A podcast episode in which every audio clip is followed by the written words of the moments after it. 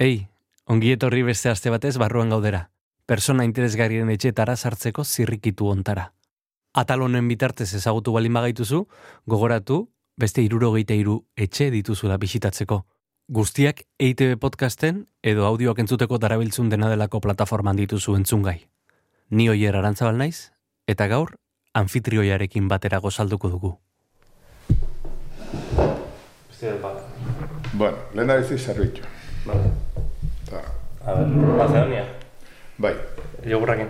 zeukak eh, meloia, papaia, kiwia, Jo. platanoa, Azeo. eh, eh, granada. Bai. Eta barkatu, hau, egunero gozaltzeko, hau izanen impresionatzeko indek. Ez ez nik, euneroko gozari haudek. Bai. Jo. Lujoa. Eta honekin ja ez diat ezer jaten, eguardin arte. Jarra la ostra. Bueno, batzutan, batzutan banderila baten tentazion erortzen nau, baino. Ja, ja. Gaurko anfitrioia kilometroak jaialdiaren sortzailea da. EITB-ren sorreran parte hartu zuen. Eta Disneyentzat lan egin zuen Espainiar estatuan. Ekoizlea izateaz gainera, asmatu egin izan du. Eta hori ez da gutxi. Bueno, orduan aber ze ez elkarrezketak. Etxetan egiten ditukela esan diak. Bai. Bai. Ja, irurogeita, iria laugarrena izan behar. Bai. Bueno, ni, desde luego, naizen bezalakoa naizela. Gutxienez galdera guzti hauek alde zaurretik egin behar nizkian, jakiteko zen koinoi buruz itzi behar gendu. Bueno, diat, eh, Eta e, ea ezer interesanterik ote da une bizitzan. nola, nola ez tekengo ba. E, laro eta marren, ba, Carlos Arginan hori proposatu nion telebista programa bat egitea, eta Carlos animatu zen, eta la sortu gendun, da lanzatu gendun Carlos Argi arten, zein, da ez zer, da baki eta bilera baten geundela, ba, beste produktore bat ere bat zeon, eta Sevillano bate bai, Eta ez bueno, txistetako programa bat egin behar du, Carlos, esan, ez, Carlos egin behar du, sukaldeko programa bat, eta bazekiat ze programa egin behar du. Hau, hau. Eta la proposatu gendun ETB-en programa hori egitea, ETB-en ez zuten, ez zuten nahi, eta esan ziguten, ba, zuek arri esgatzen bazeate, eta doan ekartzen balin bazue, barterrinen ekartzen balin bazue programa hori, ba, igual egingo hau.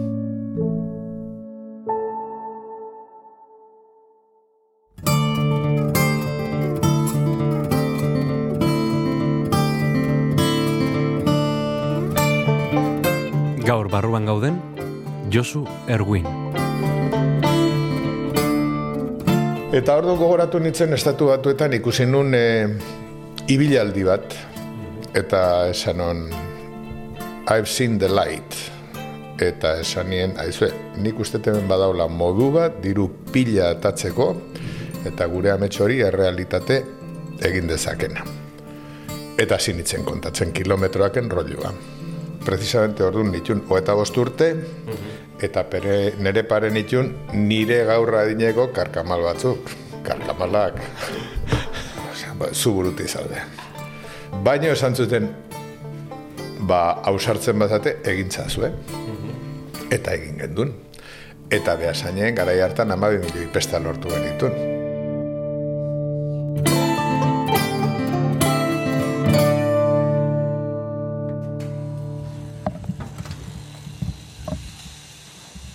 Donostia eta Igeldo elkartzen diren leku batean dago, anfitrioiaren etxea. Eta goizeko zazpiak dira.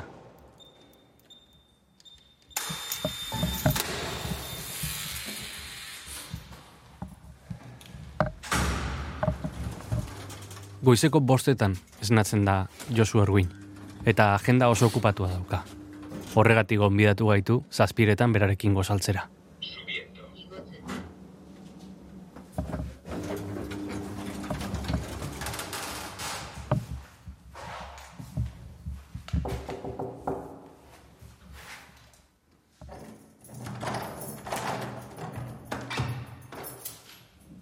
Josu jona. Konbixiua. Zemuz? Ongit, ahi? No. Bueno, lortu jau. Joder, bai. Lortu jau. Gainera lortu diat nik azkeneko hiru astetan behar bezala loitea. Bueno, ez de gutxi, ez de gutxi. Gizon okupatua zer dan? Bai, bai. bai. Eh? Er. Beste, bost minutu. Bost, amar, nahi duken danak. Etxio preseka. Etxio preseka, etxio preseka. Lasai. Vale, vale. Lasai.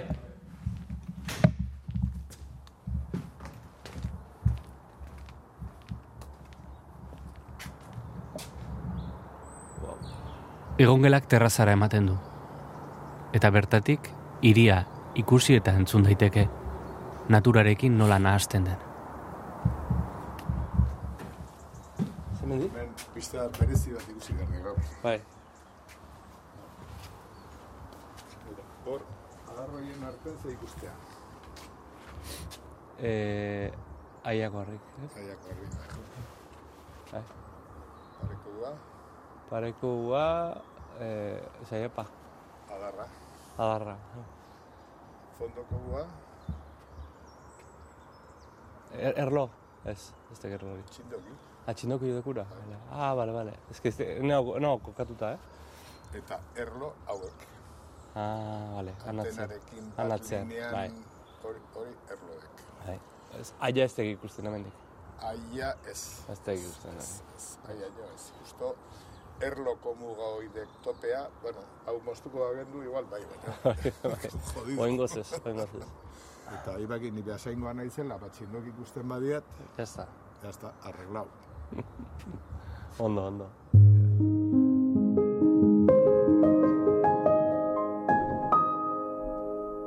Nik behasaingoa nauk eta gure referentzie beti txindoki izan dek, txindoki behiratzea, usurbe begiratzea, hoiek izan ditu gure referentzikala. Eta izgorri. Hemen berriz, azken urtetan, Gipuzkoako iparralden da Lapurdiko hegoalden bizi izan naizen bitarten, ba, hiru mendia referente izan ditut beti, gauza guzitako. Larrun, Aiako harria eta jaizkibel. Hiru horiek ikusita posizionauta dago. Lehen zien ba usurbe, txindoki eta aizgorri. Erguinek mendiak behar ditu bere burua kokatzeko, mundutik ibiltzeko. Baina bera, beha darra da, oraindik ere. Hori ez dio inorkenduko. E, Bilafrankan e, diskotekan ibili goizeko hiruak arte eta seitan autobus hartu, larreitze igotzeko eta handik txindokia. Ze diskotekan? Zigor. Hori izan zuen aixia. Bai, iruro eta seitik iruro eta behatziaino, nik gero estatu batu eta junitzen urte bete, eta handik bueltan ere, iruro eta marretik, iruro eta mairura ere, hoize zan gure, gure goizeroko plana. Gure asteburu goizeko plana hoize izate zen. Fundizioaren industriak eraman zuen mundura, eta munduak berriz, espektakuluaren industriara. Goiarritar bezala, ba, fundizio baten, aurkitu non lanpostue, esportazio arloan, ba, nola da inglesa ja, menderatuta neukala, frantsesa ere hitzeien un ordurako, eta nolabait ba, nire lehen biziko lanura esportazio munduan izan zen. Eta, bueno, ba, berriro hasi nitzen bidaiatzen, eta munduan zehar, ba, ez bakarrik estatu batu eta, baizik eta bai Europan zeharreko Alemanira, Frantzia, Italiara juteko aukerak izan itun, eta estatu batuetara berriz hainbat bider Kanadara ere bai, ba, bezero importantekan genitulako, eta, eta nolabait nazioartekotasun eh, harreman hori e, aberatzten joan zen. Eta nolabait horrek, bueno, ba, eman zidan ikasbidea ba, ba, ba, beste erlazio mota batzuk e, profesionalak e, sortzeko leku hoitan. Kriston suertea izan nun, bueno, suerte, ama azkarra zela, Bai? ama behasengo pelukera zan, eta bezero batek esan zion nola bere alaba estatu batuetan zeola, Zeran, kuntxo, ba hori, nese mentzako igual interesantea izango litzake, eta gau baten esan zin, aizu, nahi alzu estatu batu eta jun urte beteako, eta jode, amazazpi urte nitula orduan, ba, pentsa dezake, ba, noski baietz. Eta, bueno, gauzak martxan jarri, eta azterketa batzu pasatu, eta beka bat lortu, eta urte beteako, ba, ara junitze, eta han famili berri bat egin nuen. Osea, nik dauzkat eh, ne familie. Mhm. Nire estatu batuetako familie. Anai, arrebak, en fin, denak. Juten gea, elkarrekin jauten gea, etortzen die, gorde dudan beste, beste, beste bizi berri batan. Eta gorde dut, eta maite dut, eta zaintzen dut. Ez zuen izan pixkat etorkizunera bidaiatzea bezala gara hartan. Bai, bai. E, bueno, oso garai interesgarri izan zien. Nik e, abuztun bosten iritsi nintzen, eta guztalean Armstrong ilargia jetxi zan. Three, two, one, zero. All engine running. Liftoff. We have a liftoff. 32 minutes past the hour.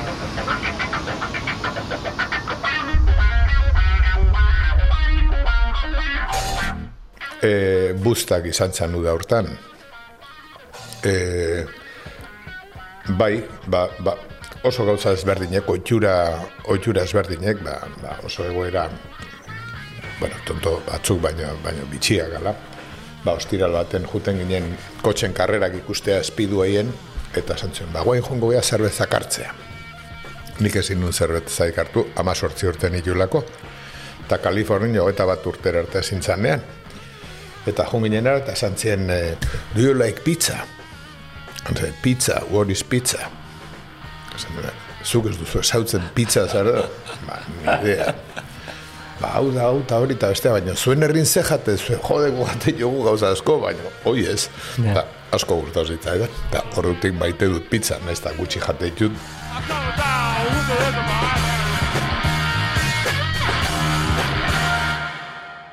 E, noiz itezu klik fundizio mundutik atera, ga- mundu hortatik atera eta ba, espektakuluaren munduan sartzeko adibidez. Bueno, urte asko pasazien. e, iruroita ama lauen alaba izan nun, Bai? eta ama bosten o ama seien e, leire bi urtekin ikastolan sartu zen, Bai. eta bani xaltxeroa naizenen, naizenez, ba, ba, gurason elkarten sartu nintzen, Bai? Eta momentu hartan, ba, behar gendun liceo berri bat eraikitzea goiarrin. Eta, eta karo, diru iketzean. Eta garai hartan ikastola jartze zuten diruk zetozten ba, urtero egitezan tombola batetik, urtero egitezan festatan ikastolako tabernatik, Bai?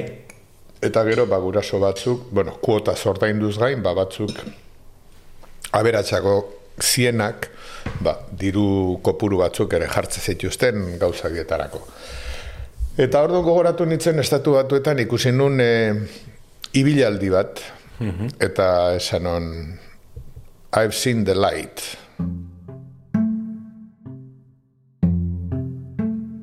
Eta esan nien, aizue, nik uste hemen badaula modu bat, diru pila atatzeko, eta gure amets hori errealitate egin dezakena. Eta hasi nintzen kontatzen kilometroaken rolua. Ibilaldi bat badago, ibilaldi horrekin e, ibiltzen dezun kilometro bakoitzeko ordainduin behar dezu, bilatu behar dezu sponsor bat zure kilometro hori ordaintzeko, eta ez dakit zer, da dakit zer, eta tal, kontatu non guztia, eta, bueno, dara parra itezuen, dezentzen zoratu tau. Hoi Amerikan funtzionakoik, hoi hemen ezinezkoa dek, eta nik zeitu nun matraka ematen da, matraka ematen da, saltzaile txarra nauk, batzutan. Eta azkenen, bueno, ba, esan zuen, bueno, ba, igual funtziona dezake honek. Saiatuko gea. Ba, eta orduan esan, esan nahi zu, baina hau, desde luego, egin balin bada urten behin bakarrikin behar da.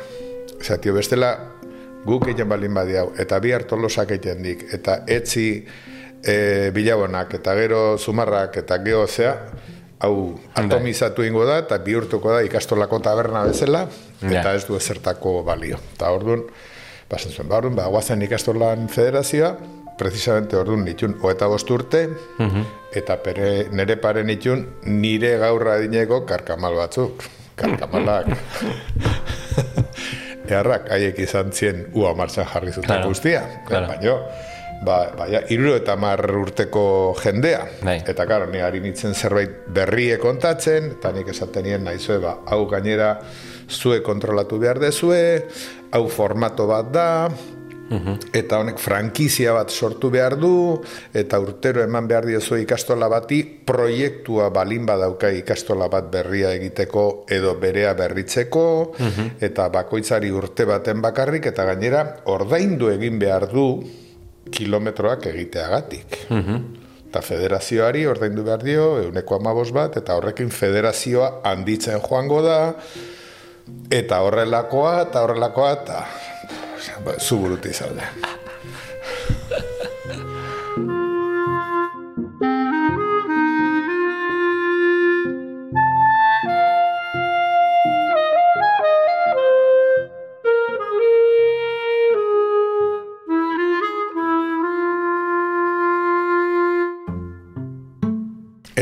Eta egin gendun. Eta behasainen, garai hartan amabi milioi pesta lortu genitun. Hmm. Asko zan hori ez? Ba, joder, kristona, duela berroita bost urte. Ja. Eta liceo berria ustez kostatzen zitzaigula irurogei milioi edo. Ba, bueno, ba, beira, eta genean euneko gehia Bai, bai. handik. Eta, eta federazioak ere bere parte hartu zon, da gero, ba, federazioa ere bere zea hori horri izan da. Eta geho bakitain bat ikastola protesta duela. Eta zeatik ordaindu behar dugu. Eta, eta ni gogara zen hori, esan genuen, formato frankizia baten kostea zela. Gaur egun ere inungo frankizia igirikitzen balin batzu, koste hori ordaindu behar duzu. Orduan, bueno, ba izan zen garai hartan konzeptu berri bat sartzea, ideia, forma, horren izaera eta horren finanziazioa eta barrekoa. Eta berroita bost urte, eta hortzeok, guen kilometro berri horrekin dago lioa gauza hauek aldatzea, ba, funtzionatzen duen formato aldatzea oso zaila izatea. Tel telebistan eta irratiko programatan da funtzionatzen duten programak hay que tocar poco. Kilometroak izan zen, Josu Arguinen lehenengo ekoizpena. Gero, industrian jarraitu zuen, larogeita bir arte. ETB sortu zen urtera arte. Bertatik deitu zioten, kanpo harremanak eramateko. Nolabait horrek eh, nigan sortu zuen, ba, bueno, beste, lehen beste gauza batzutan ere mm, horrelakotan sartuta neola, konjunto Bai, paroe baten bai. neonitzen, ba, bateria jotzen da, gitarra jotzen da, eh, baina ez, hau izan zen, bueno, baina katxarro handi bat montatzeko zea, hala? Eta ez, hortiguan dionik zeitu non industria munduan e, laroita bi arte, non deitu ninduten eta esan ziate, bueno, ba, ETB sortzea zijola, eta nahi zutela norbait e, kanpoko programak eosteko. eta kanpoko programak eosteko, baino aldi berean arlo komerzial bat egiteko proiektu hori kanpon saltzeko. Zeatio, jasotzen nahi ginen kriston, kriston ziztadak Espainiko telebistatik esan az ETB pirata, telebista pirata bat zela, eta etzela sortuko, eta etzeola dirua, eta bar, eta bueno, ba, nire funtzioa bikoitza izan zen. Bata, programak eosi, eta bestetik esan, ez jauna. Gu nor bagara, proiektu hau egiteko, dirue badaukeu, e, ahalmen politikoa badaukagu, esplikatu beharra zertzen komunidade autonomoak, zertzen gure akordiok, zertzen konziertoa, zertzen Claro. guzti hori, eta bueno, ba, horta dedikatu nizkion, ba, nire bizitzako bi urte terdi. Oso intensok zen produzio nere sartu nitzen, da e, produzio zuzendari izan nitzen garaian, da hortik ja erabaki nuen nire produktora montatzea. Vamos a ver, vamos a hacer una receta fácil, barata y rica. Y va a ser un revuelto de bacalao con salsa de chipirón o salsa de calamar, ¿eh? En tinta negra. Cuidado que tengo esto caliente ya. Un momentito. Voy a- Carlos Arginan hori proposatu nion telebista programa bat egitea, eta Carlos animatu zen, eta la sortu gendun, da lanzatu gendun Carlos Arginanon figura, eta hilabete beretan bi, bi gauza jarri zien martxan. Batetik Carlos Arginanorekin e, proiektua, eta bestetik e, Walt Disneykin e, tele, Espainiko telebistarako programa bat egitea. Eta, ba, horti jaio zan Club Disney, eta bost urtetan, ba, urrezko tepek lortu genituen Disneyrako. Empujarle eh, al rabillo para adentro y luego para afuera. Así de sencillo. Zer ikusi zen nuen Carlos Arginarraren gana? Bueno, a ver, Carlos eta biok e, bizila unegaituk, behasa indik.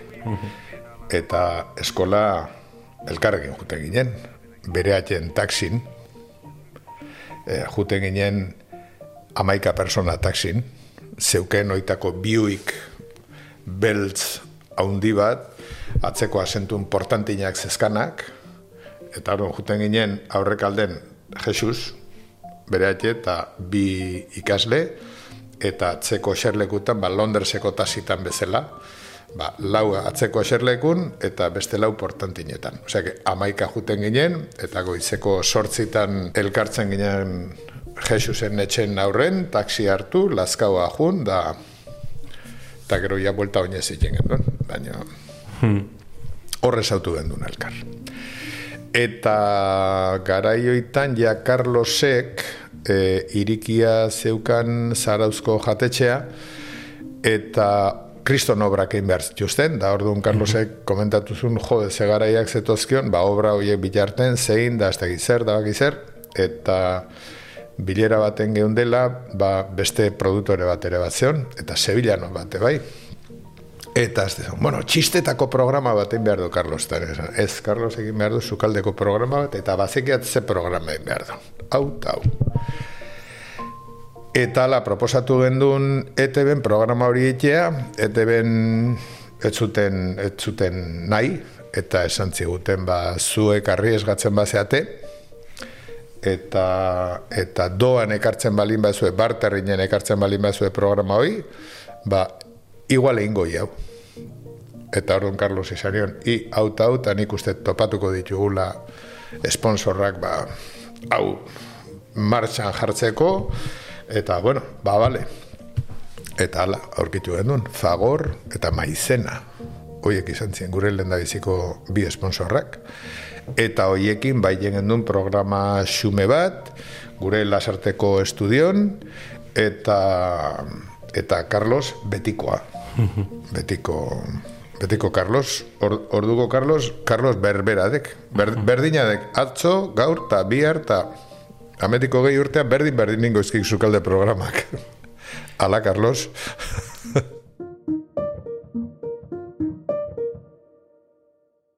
nola da, garai hori eroituta zuk, eh, zure lekutik, baina nola da telebista bat sortzea? Bueno, telebista bat sortzea, bera, seguramente gaur egun telebista bat egitea izango da manual bat hartzea eta manual hori jarraitzea. e, garai hartan telebista bat sortzea zan batetik e, jende prestatua izatea, bueno, kontutan izan behar zan, nun sortze zan telebista hori. Sortze zan, inungo telebistako kultura zuen herri baten, mhm. eta nolabait sortu nahi izan formato berri bat, ilusionantea izan zedin, jendeak bere pasioak eta ilusiak hor bolkazedin, eta nolabait hortarako, ba, ar, ere mu ezberdinak montau zien.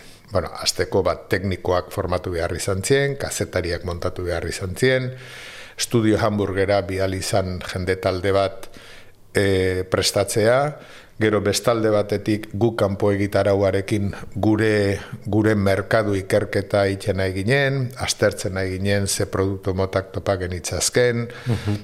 Estrategikoki zein konpainikin sortu behar gendun harremanak, BBC-ekin, ba, nola baiteko telebista sendoekin, da hoiekin, ba, harreman benetako batzuk sortzea, eta gero, ba, nola bait, ETV behar ere, baia gobernua montatzen nahi izan bere, bere strukturak e, e, zailburutza guztitan, ba, ETB ba, guzti hortan funtzionaritza sistema horrek ere hor bat egin behar zuen. Baina telebistako jendeak behartzun gehiago ez izatea loturarik egun funtzionatzen nahi zien telebista itxi konservadore batzuk, telebizion espainola zan bezala eta bar, eta nolabait zerbait berria eta garbia sortzea. Eta hori izan zen eh, helburua. Telebista homologagarri bat, ez? Beste herrialdeetako, herrialde aurreratuetako telebistekin homologagarria izango zen, eh? Bai, ba, bai, dudarik gabe.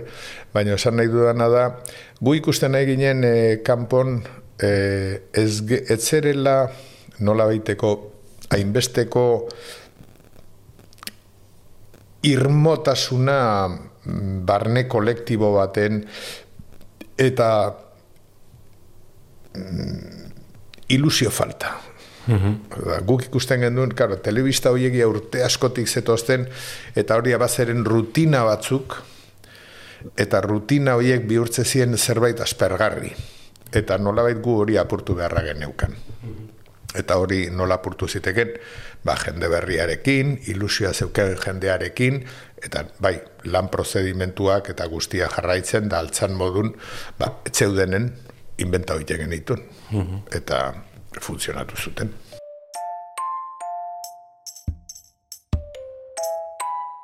Zuen belaunaldiak egin zizkian gauza asko, eta guk jaso izkeo fruituak, ez? Guk esatean nire belaunaldiak. Baina nire sentsazioa deko orain kontrakzio egoera batean gaudela. Osea, Oiek, gauza oiek onaino iritsi dira, eta orain zer. Eta ez dagoela, ez dagoela orain zer horri erantzuteko, ez, du, ez dela ikusten erantzun garbirik, ez?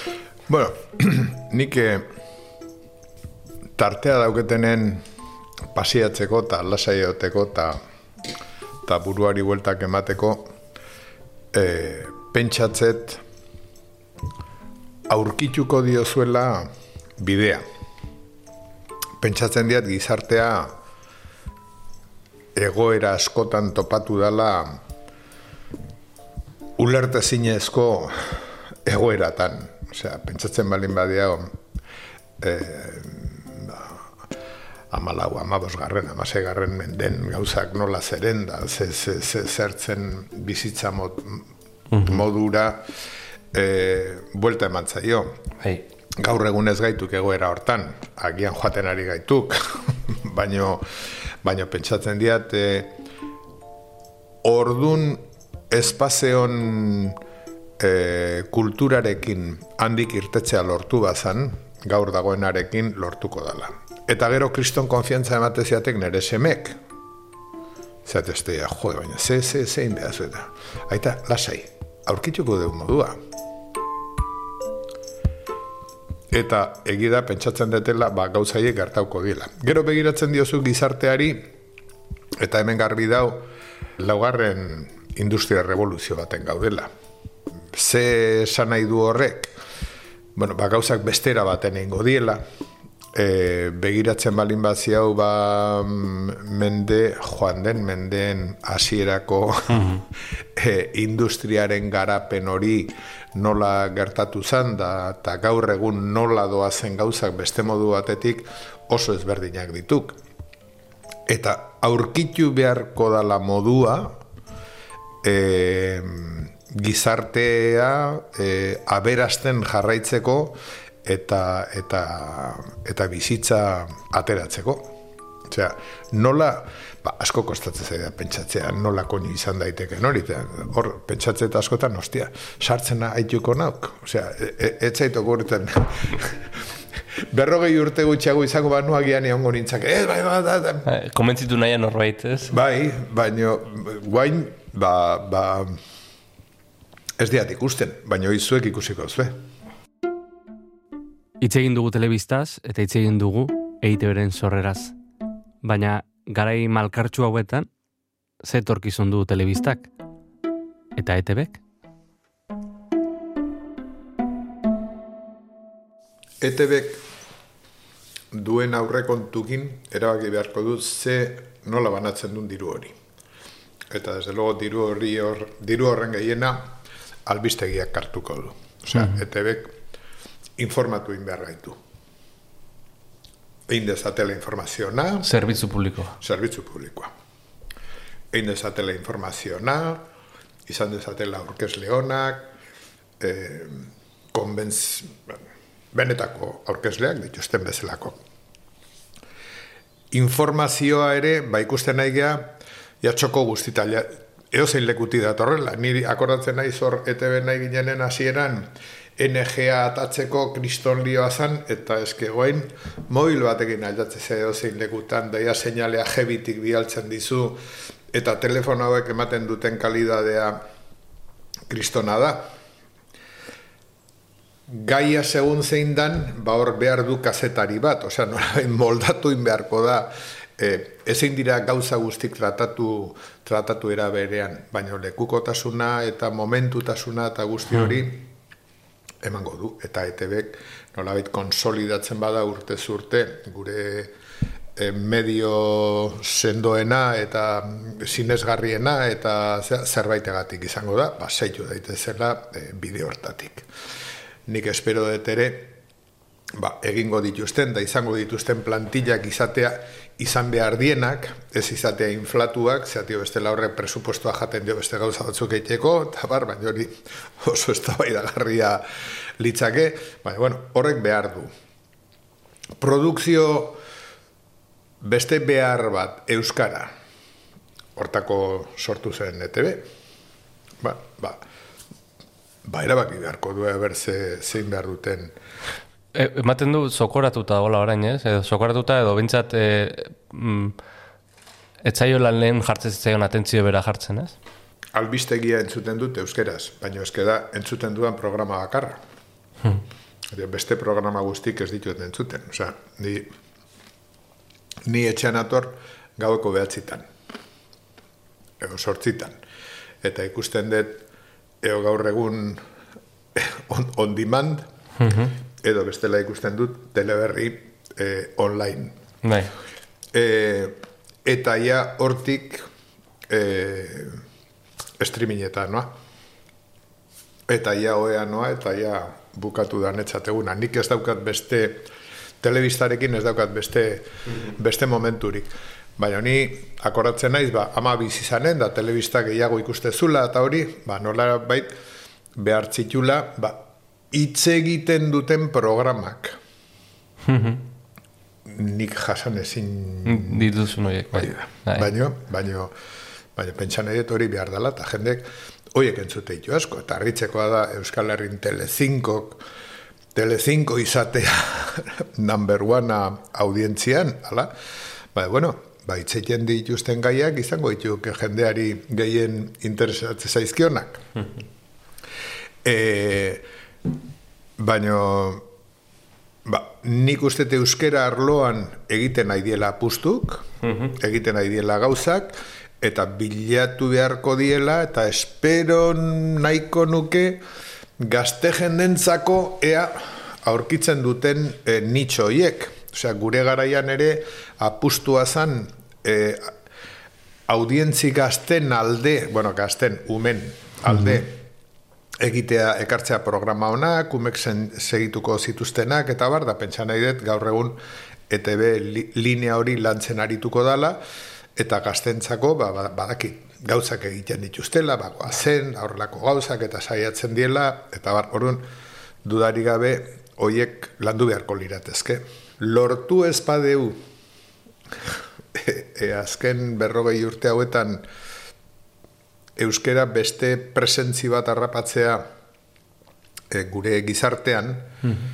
ba, ba, zaila izango da egungo konsumoan hitz e, hortan euskeraz konsumitzea.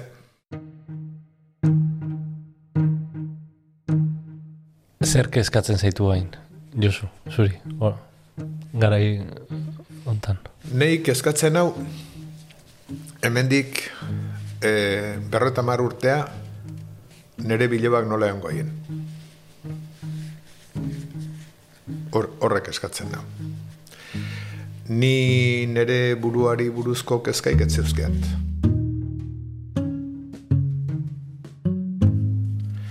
E, zorionez e, familikok denak ondo dare, e,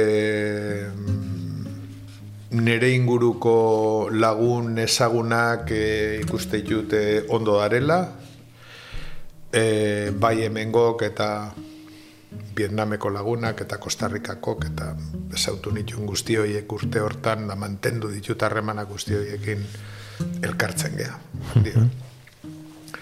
Eta hemen, bueno, ba ikustet gure gizartea ondo doala, aigea, aigea kudeatzen, aigea kudeatzen, ikusiko deu, ba, gerra zikin hau noraino doan, eta eta naiz ez denei noren kulpa denik edo denik baizik eta gerra zikin hau hemen daula eta za, zelio montatzen nahi dan zer ekarriko duen, baina pentsatzet olako gauzak ba, bomba atomiko bat botatzen espadue nunbaiten frenauko ala.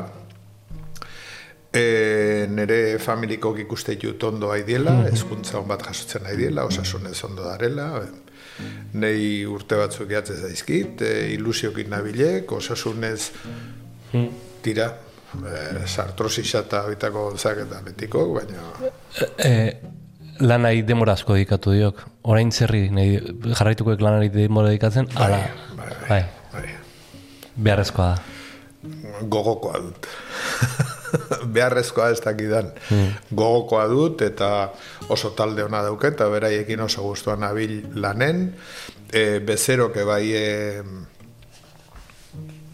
majok eta gainea kontuatzen naiz ba nigan konfiantza dutela e, ba egunerotako tasun hortan e, badakatela zea e, baina bueno ikustet bukatzea ardaula nik por ejemplo akordatzen hau que o eta bo zazpi eta sortzi urte nitula eta gindoazen saltzea ba ba, gero, beste enpresa baten neon ditzen, bai, automatismokoak, eta gauza teknologikoak, eta horrelakoak, eta bar, eta hango saltzailea zela berro eta bar urteko tipo bat.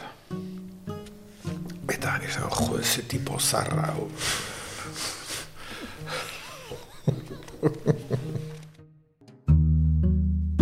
Gozariaren amaierara heltzen ari gara. Agurtzeko ordua iritsiko zaigu. Josu oraindik ez da jubilatu, eta lan asko dauka egiteko gaurko egunez. Seguru gaurkoan ere, baduela bileraren bat, pendiente. Eta akoratzen hau guain dala urte batzuk nirean nahi esatzeak. I baino, i adako bilera eta tauanen, ez aleiz, zarra ikusten da. Ez, eta geho, izpiloa bire eta, bueno, ostia, pixka bai. eta gau, guain, bilera eta jutea izta, eta bilera baten elkartze, ostia, elkartzen hau denak ni baino hogei urte gutxigokok. Eta de repente, gau, eta gertatze zaik, ia izela gauza berrik eta proposatu behar ditukenak eta eta ostia, a ber, hemen nola baino nola gero bulegoa noan da gero ia zein beharra bauka eta ja orduan diseinatu beharra daukeuta hori, pues, no pasa nada. Listo. Josu, eskerrik asko etxekoateak saltzarek. Ba, plazerra handiz.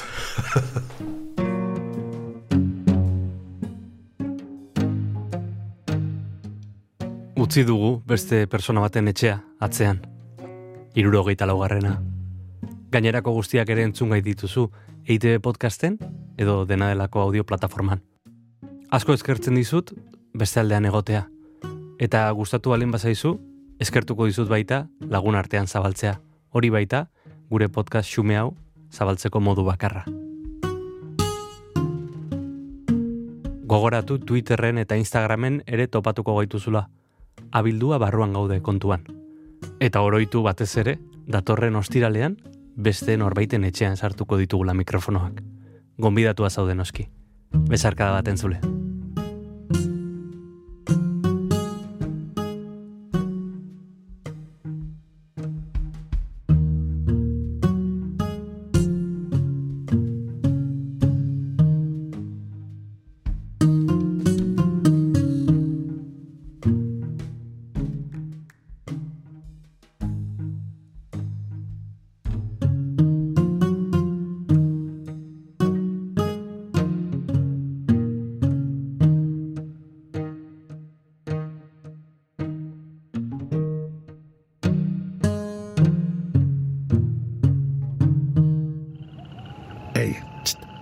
Entzun